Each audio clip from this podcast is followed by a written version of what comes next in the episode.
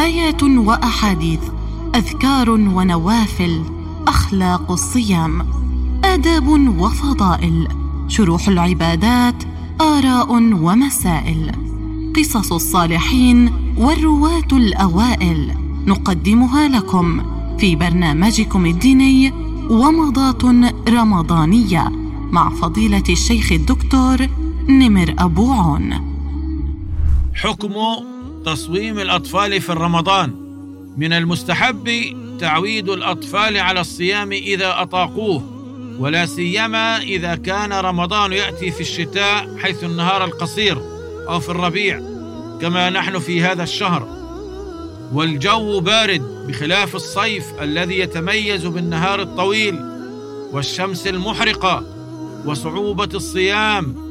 وقد كان الصحابة يعودون أطفالهم على الصوم من صغرهم ويربونهم على هذا فإذا أصر الطفل على الصوم وهو لا يطيقه فلا مانع من إمساكه حتى الظهر ترفقا به.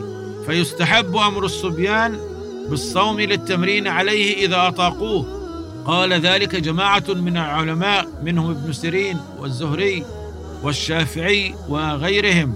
ودليل من استحب صيام الصبيان إذا أطاقوه يعني إذا قدروا عليه وأمرهم بذلك ما ورد عن الربيع بنت معوذ ابن عفراء قالت أرسل رسول الله صلى الله عليه وسلم غداة عاشوراء إلى قرى الأنصار التي حول المدينة.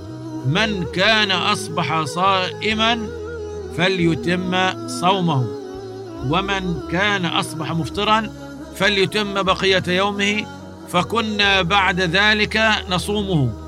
الشاهد تكملة الحديث هو الشاهد الآن. ونصوم صبياننا الصغار منهم إن شاء الله ونذهب إلى المسجد فنجعل لهم اللعبة من العهن أي الصوف.